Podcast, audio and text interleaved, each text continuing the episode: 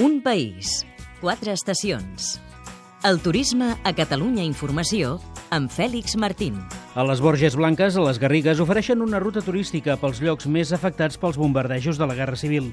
Mentrestant, a Vilanova i la Geltrú, al Garraf, atreuen visitants amb una nova campanya de la gamba.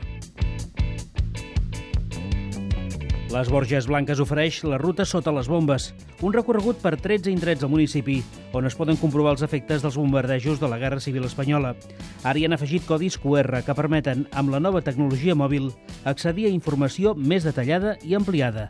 Un reportatge de Pere Joan Álvarez, amb el muntatge musical de Ramon Dalmau.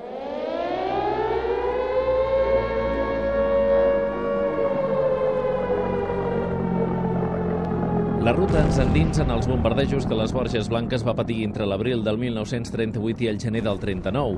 Ens acompanya l'historiador local Marc Macià. Li preguntem pel criteri que s'ha seguit a l'hora d'ubicar aquests punts senyalitzats. Ens han situat en espais eh, on tenim fotografies eh, eh, de la destrucció. Eh? Puguem documentar, diguéssim, gràficament l'efecte dels bombardejos sobre la població civil.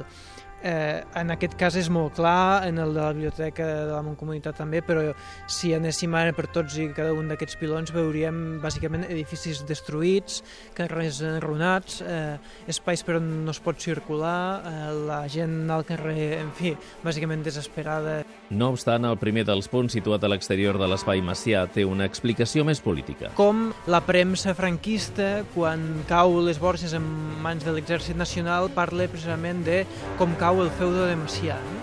com aquesta idea de bombardejar les Borges, de castigar la seva població civil, va més enllà d'una qüestió purament d'interès militar, sinó que a més a més hi ha un interès polític.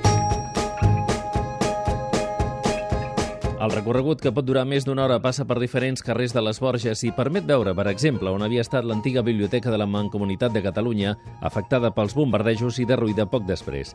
Aquells que disposin de dispositius mòbils d'última generació podran obtenir més dades a través dels codis QR que hi ha en cada punt senyalitzat. Pots mirar bé la, la fotografia i dir, mira, aquest edifici encara es manté i els dos costats eh, ja no hi són perquè precisament van ser bombardejats, no? i amb això jo crec que s'entén molt millor tota aquesta història dels bombardejos bombardejos i de la destrucció.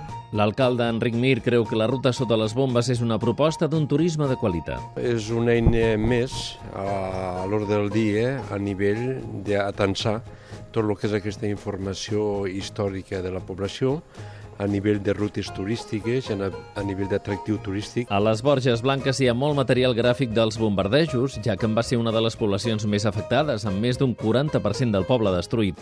La informació i les imatges a disposició de tothom que passegi per diferents carrers de les Borges en una ruta a cel obert. La proposta.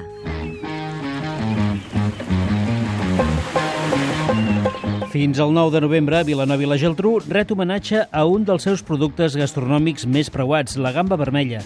37 restaurants ofereixen menús en gamba, però s'hi poden fer moltes més coses. Àngels López.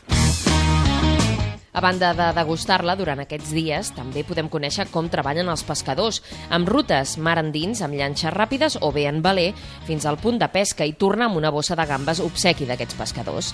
Gerard Figueres és el regidor de Promoció Econòmica i Turisme. No, la gamba es pesca al mar, a davant de Vilanova, una mica endins, però per tant és un producte que tenim a davant de les nostres platges. I el que oferim és la possibilitat amb una llanxa ràpida, que de poder, amb aquesta llanxa ràpida, arribar a, fins als caladers on hi ha doncs, a, les gambes, veure com es pesca pesquen i després doncs, poder-les degustar també en algun dels restaurants.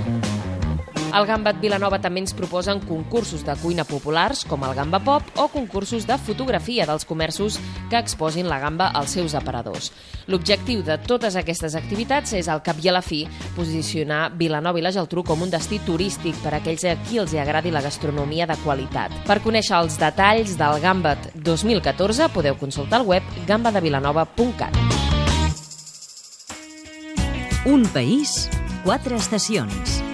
Un programa realitzat des dels centres territorials de Catalunya Informació.